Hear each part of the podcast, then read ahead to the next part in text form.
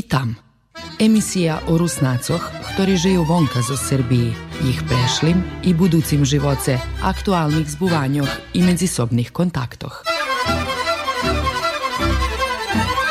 Tu i tam.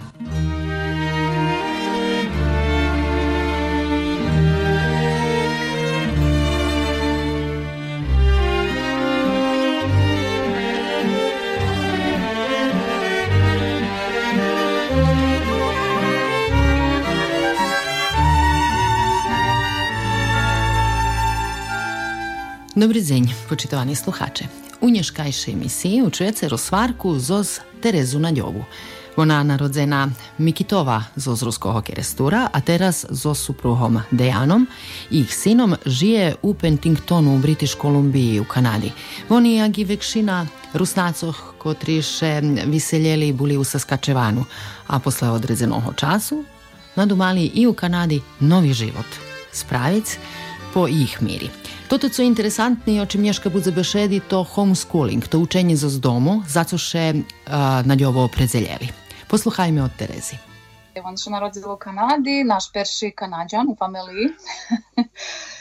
Narodził się w Saskatchewanu i kiedy mal rok i pol, to sme się preseljali do drugiej oblasti, do British Kolumbii, do Okanagan oblasti. To je jeszcze jedna mniejsza oblast specifična po tym, że się tu e, sadza winici, owocniki, taką ma specyficzną klimu, ona hvaria, że to kanadska pustynia, e, do suha klima i bardzo ciepło, žimi taki bardziej blahši, co nas pricahlo, żebyśmy bardziej mali čustvo, jak u Srbiji, to ty saskačevanski žimi, hej, doznam, to był szok. Šok. Uh, ali njeljem toto, ako znam šaki mentalitet u Okanagánu i dom, že sme varim našli nahodi za vytvorjovanje naše muzika, hej, maljovanje i šaki roboti, tako staka vonkašnja kultura ljudze barže po vonku i to nam barže odvitovalo. Uh, von, znači kad sme prišli mal rok i pol i počali sme še tu klapja z novi život, zaž jaký šik počatok bol, hej. To za mňa tako bolo češko prilagodzovanje, ale dosto s rokami e, prišlo ono všetko na svojo i teraz keď patrím na toto iskustvie, vec stvarno som naučila i pochopila, že hoď kde pôjdeš, všetci život prinieše i ľuďoch, i keď dochábiš da koho za sobu, život prinieše nových ľuďoch. Nikda neostaneš sám nikda neostaneš na tom počátku, že teraz budem sám, hej, u živote.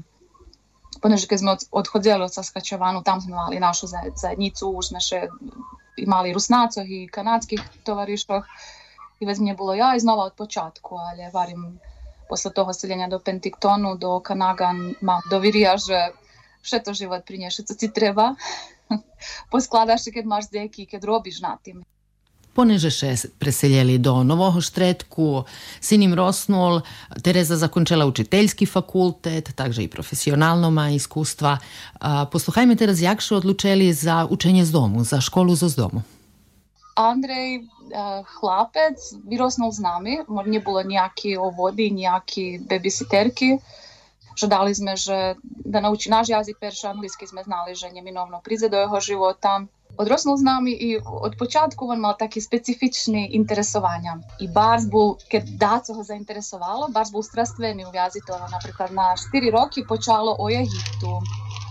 І інтересантно, що як то так jedna mała drobnica, mała drobnica, jeden kupiliśmy jakieś stanie z Egiptu, który miał tam wszystkie te rysunki ich bożestwach.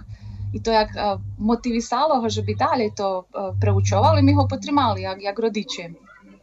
Već bar ljubel, jak na 4-5 roki ljubel o kristaloh, všetko, co jak arheologinovi kopanje, kojaki stari predmeti, ključi. Znam, že mu moja mat stari ključi zbirala po keresture i posilala mu, on fascinirani bol s tim. I već kad prišlo škola, Jakošik še nie, nie mohol nájsť svoje mesto u školskim sistemu, uh, poneže, a ja прийшла през учительський факультет та сам могла якось спатрити е, як своє дитко, і як хтось, хто має іскусство з школьським системом, хоч завжди нашли знайшов систему, хто іншак, як, як рестурські школи. І припатрали ми ще на нього, не, не могли ми його, не могли ще найз у тій школі, да то та школа му да, цьому треба. Ja vše hvarim, keď pripovedam o tým, rodičom hvarim, že nie všetky za školu, nie všetky za homeschool. Hej? i važno je ako roditelj najst svoju pripovedku i svoju situaciju. Čekaj, ja vidim svoje dziecko i próbujem uh, najść jeho mesta, gdzie ono bude szczęśliwe. Naš česte u Kanadi, pogotovo dostu u, u Okanagan, štretko gdje mi bivame u British Kolumbiji, Naistě je bardzo dobrý program za, za homeschooly, bardzo je dob, velká potrimovka, co nám prišlo bardzo dobre, poneže da ne máme to tu opciju, ja ne znam jak bi sme prešli prez to cali školski sistem za Andrejom. Вон, рушив до води, рушив до першої класи. У другій класі, на концу другої класи, досить прийшло до одного такого незадовольства, емоційних почушкосток, що я тут не припадам, чому я тут мам бути, hľadali na co nové. Probali sme jak rodiči napraviti jak pozitivne iskustvo, oni socijalizovani i njema nijaki e, počeškosti u až dumam, že mu dost bilo i ljehke gradivo. I druga klasa, konec druge klasi, sme vidjeli, že to ne na pozitivno i vidjeli sme, že coška musíme premeniti, njeljem prenjho, ali i za calu familiju, znači jak cala familija, život i naša, naša dinamika bila už u točki kad čas za premenku. A interesantno je, paralelno se to slučavalo, keď god mi še namahali da mu napravíme pozitívne iskustvo, jak rodiči, škola, oni porobili všetko, co mohli, hej, ja nehvarim nikda nie nahlášam nejaký proces školského systému, len patrím z jeho boku, jak detsko, jak še uklapjal, hej. Paralelno za tým, jak sa všetko slučovalo, mali sme, upoznali sme jednu familiju zo sa tu u našom Kanadžane, z naše oblasti i oni majú petero djeci. Všetky sú tým homeschool programu.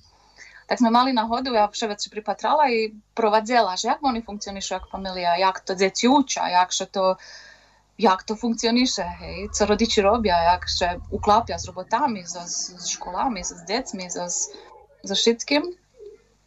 I jak sme rokami, znači tri roky Andrej bol u vodi, već u peršoj klasi u druhej, Що то та можливість так вішала у воздуху, що кет надумаме, що постоїть то та можливість, на, за яку ще ми определіме.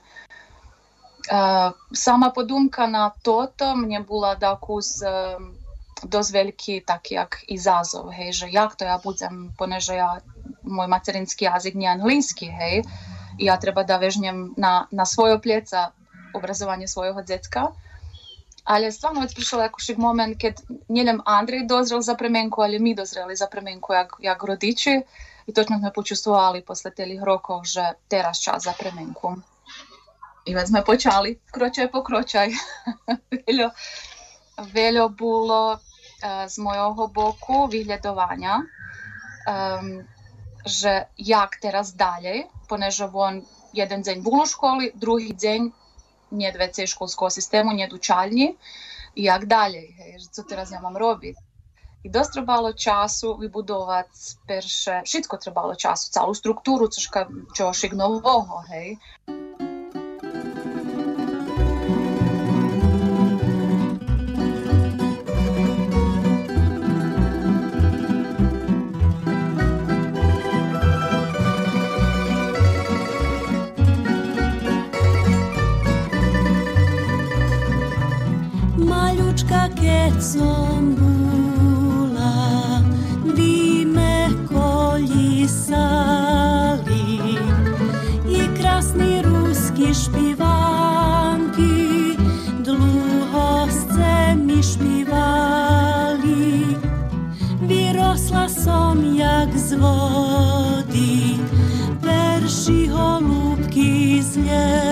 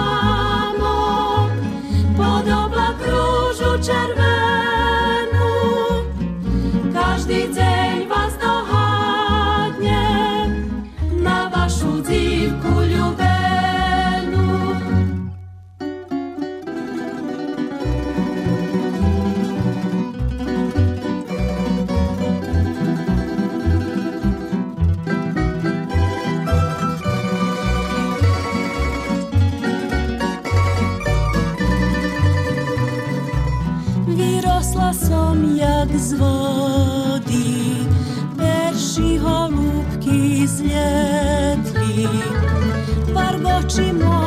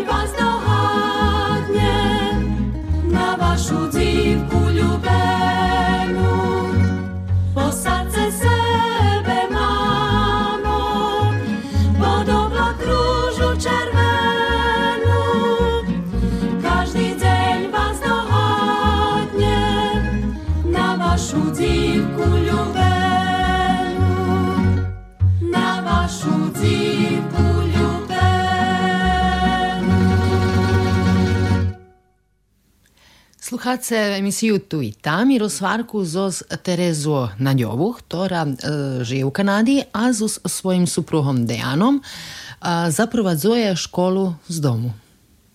Наш програм волаш селф-дизайн програм.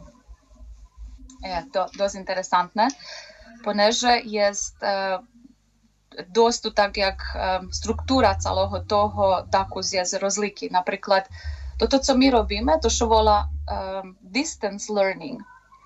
A znači, že učenie na uh, oddaleno. Znači, decko še vybera zo učalni, ale to distance learning škola ešte vše podpada pod ministerstvo prosvity.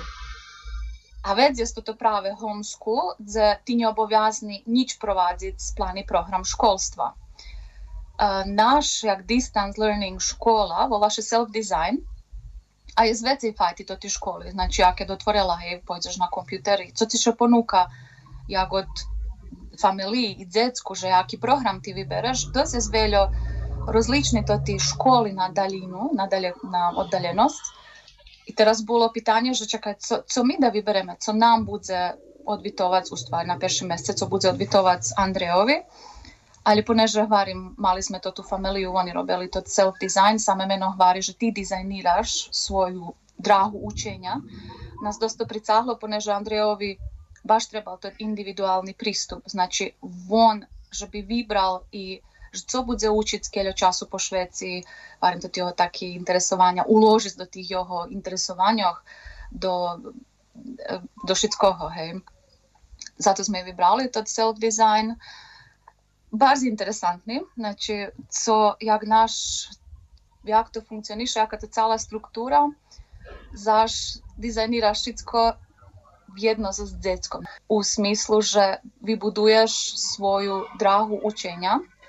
Všetko toto provádzi naša škola, znači každé decko má jednoho mentora. My máme, ja volám to naša učiteľka, ktorá provádzi Andreja.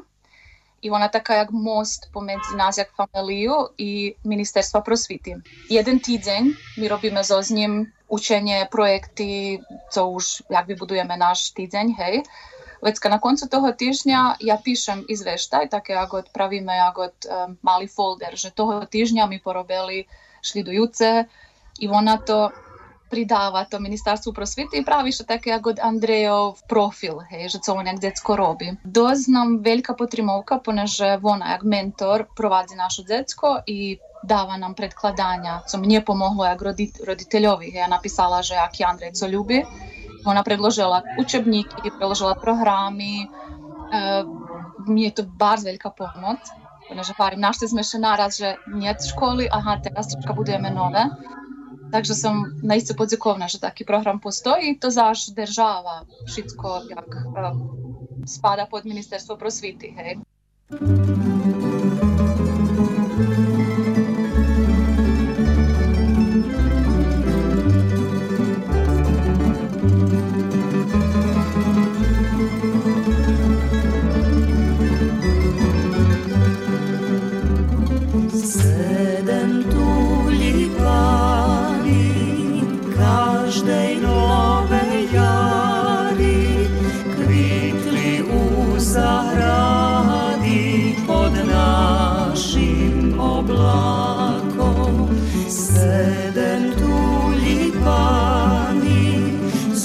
Z rosu okupani každe nove rano pahlo zozih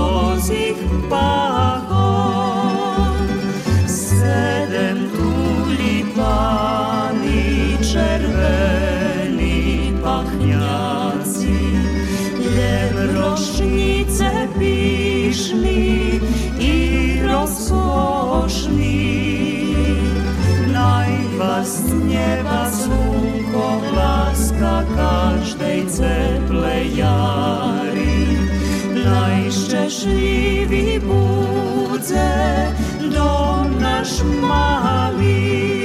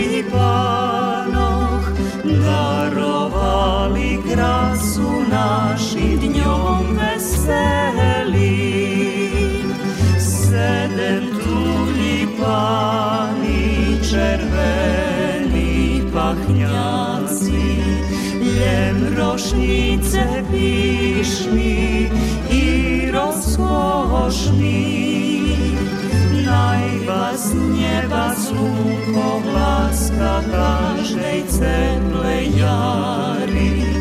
Najszczęśliwi budze dom nasz mali.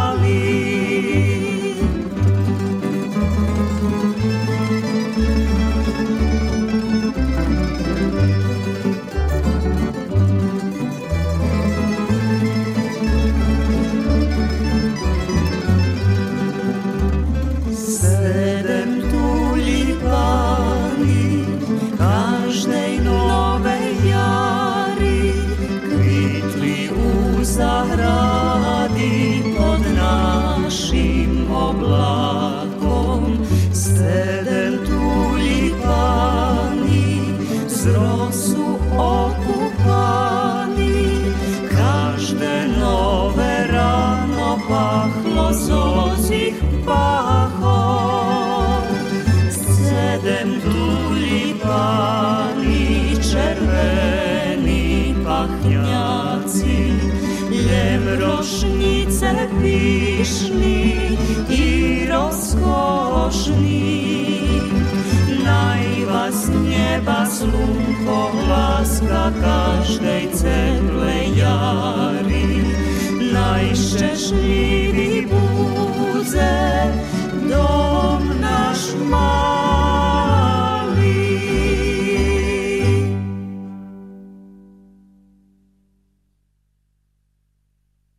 Doz Andrejovi trebalo posle školy uh, šlebodu, že by i času, tak jak da sme mušeli unschool, oni to varja, vizu z toho, že paper i penkalo i teraz ti imaš to ti zadatke. I videla som, že je mu e, značne, keď deň počne so nejakým jeho interesovanjem. A on také povoľné decko za homeschool, že on sám vynachodí e, svoje svoje jakýšik pitanja, vec mi e, nahodíme odvid na pitanje i velja raz deň počne so zdašćem co bom, ja ho pušćem, evo, co budeš obit, jaki, jaki, co budeš pravit, lebo viber sebe daco i već na osnovu toho počatnoho, tej počatnej chvíľky, ktorá še veľa raz rozvije do, наista do jakiejś motyw motywowanej i, i aktywności, więc idziemy z tego. Znaczy nigdy nie, da, nie da jakiej takiej strohej struktury, że e, Nieszka, mamy porobić 10 z boki matematyki i wypisać, nie znam, jakie kniżki, wypolnic. Варим, пущимо його давон першакріра ту хвильку. Маме baže také jak štruktúrne učenie, to oni to volajú Ponieważ sme jak familia dohovarjali, že naše detko muši naučiť písať, zrachovať, to, hej, muši byť písmene.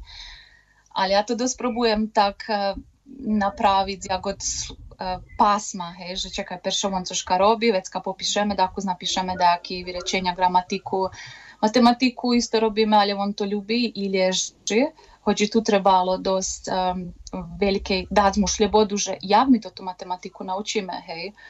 Evo, napríklad dám si príklad, že mu všemu zavadzalo u školi, že dobil, dostal uh, zešec paperi, ktorý on musí perši vypísať, druhý vypísať, treci porachovať, um, toto povtoriovanie. A videla som, že jomu netreba telepovtoriovania i vežbania, ručného písania. Že ho to zamali, že mu dopíte, hej? Hej, Stráti tak. fokus, hej. I našla nám toto naša, um, náš mentor, hej, učiteľka, ona nám našla jeden program na, na kompjuteru, uh, kde decko ide uh, po svoje jaké šik, um, tot program, jak jomu odbituje. Znači, da co može preskočiť, da co še može zatrimať moš porobiti švitše uh, e, veli stvari i toto pisanje še, povtorjovanje še viru celo, da kedi u, u, układamy i do toho energiju že, na, napisati na paper, na, narisovati, vikreirati, njemu šitko u glavi, hej. Ali on dosti bi tak rješovat, naprijed, nekih zadatki, on vari, mamo, čekaj, ja mu dam par hviljki, on tri kročaj u glavi riši. I vidim, že je to tomu važne da on še vyraži na spôsob, jak, jak, jak on žada. On žada. Tak jak od, men, oni to volajú, že mental math, že ľubí u hlavi všetko porišovať. I barz ľubí algoritmi, ľubí mechanizmy, ľubí Rubikovú kocku. Znaš to Rubiková kocka? Hej. On to rišuje bez problema, a mne to zaš, ja nemám. On to porišoval, već keď som patrila na ňo, že jak on rišuje to tú Rubikovú kocku, već som ho porozumela, že čom matematiku on žada to tie všetky zadatky riešovať na svoj spôsob, hej. Že vec ho ne, ne, nebudem ho forsírať, da mi vypisuje uh, do bezvesti papery, papery, ale jakož prilahodím mu toto učenie na správňoho.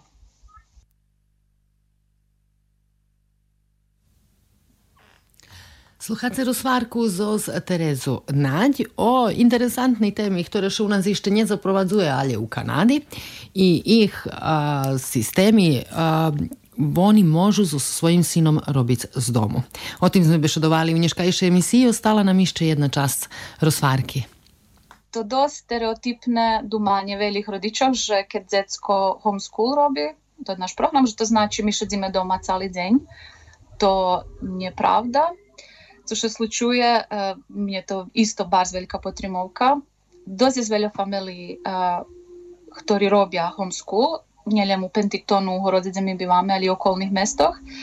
I s rokami rodiči še zorganizovali, znači to čista ljubov i energija rodičov. Uh, napravili sme grupu, ktorá še schodzi dva raz do týždňa, každý vo vtorok i štvrtok. I nás je 60 familií, nie przychodzą zawsze wszystkie, zależy od każdego, każdy ma swój rasporadok obowiązki, ale uglavnom bardzo jest wielu dzieci każdego wtorek i czwartek, zorganizowane aktywności i taki sposób i pa pajtašo, hej. I dosta interesantna dinamika całej grupy, mnie to było mm, interesantne na początku, jest Znači, familiši shodza u jedno, za šitski djeci u jedno, znači od bebi do štrednjoškolcov. I oni to naučili tak funkcionovat. že nie vyberania, nie toto grupy sania, že my teraz starší, to tí mladší, ale všetky naučili jedno, bo nie, zna, nie znajú inšak. To je ich iskústvo druženia, zajednici, hej. I nám to fascinantné i užívame. Hej. Nie to tí, varím, grupy, hej, že teraz, lebo dajaký, a zaš, keď už keď máš jednu grupu, druhú grupu, vec už se deli na rozličné, už jakiež konflikty isnujú, neznačí, že vše, ale prichodí do toho, hej. Takže bardzo interesantne aktivnosti, mamy. Na przykład, co się u tej naszej grupy. Um, Rodiči še čeraju, znači na jedna familija ma obovjazku cali mešac zorganizovat za aktivnosti. Jak volonter, hej, rodiči volontiraju. A da jedni od aktivnosti co sme mali, mali sme našćivu v e, školi za helikopteri. Djeci vošli do helikoptera, naučili svašta već pripoveda, dakle, aký mentor, hej, im trima hodinu o tim. Jest, uh, co sme ešte robili? Mali sme naštívu istoričara, odvedli nás deška skroz do brehoh, kde dávno bola Hajzibanská dráha, tunely, on već pripovedal istoriju o tej Hajzibanskej dráhy.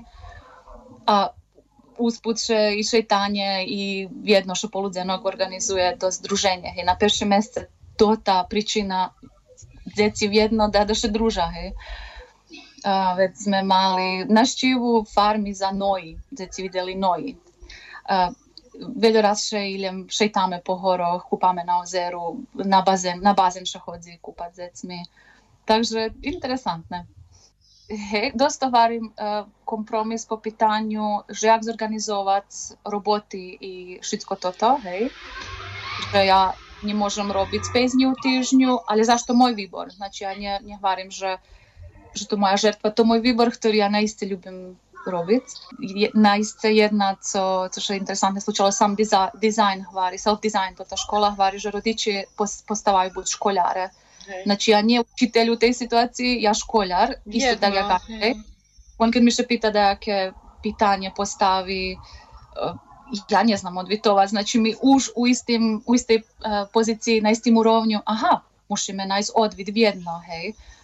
I dosta interesantno, ja naučila veljo, napríklad Andrej perši rok, homeschool, on vari, ja sam uči latinsk, a jak, jak to rušelo, rušelo, znači taki mi, interesantno mi provađati tých velikých, ktorí porušujú taký ako mali um, prekidač, hej, že Hej. jak to naraz nastane ideja, ktorá privedze do rozvoju jakejších aktivnosti.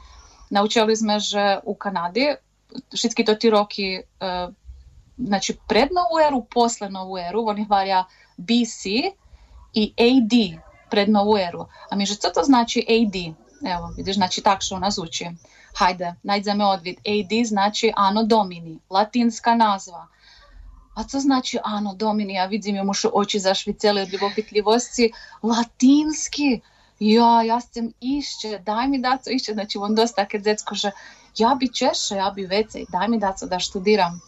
I z toho Ano Domini rušela e, naša aktivnost, že on nau, nauči latinski, ale baš latinski z e, do tých všetkých slova, ktoré máme v každodňovým živote, ktorí pochodia z latinského. Hej. Znači ja probujem ho usmeriť na také, co on ľubí i také, co može pohasnovať.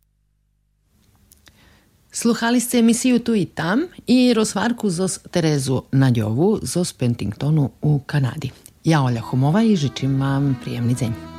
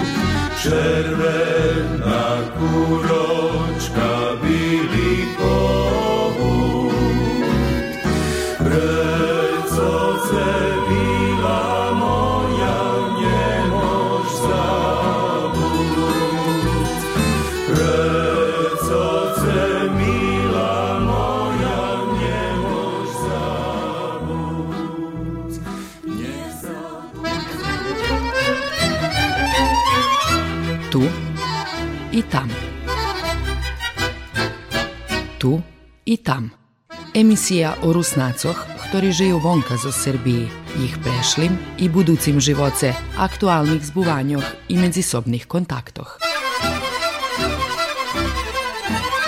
Tu i tam.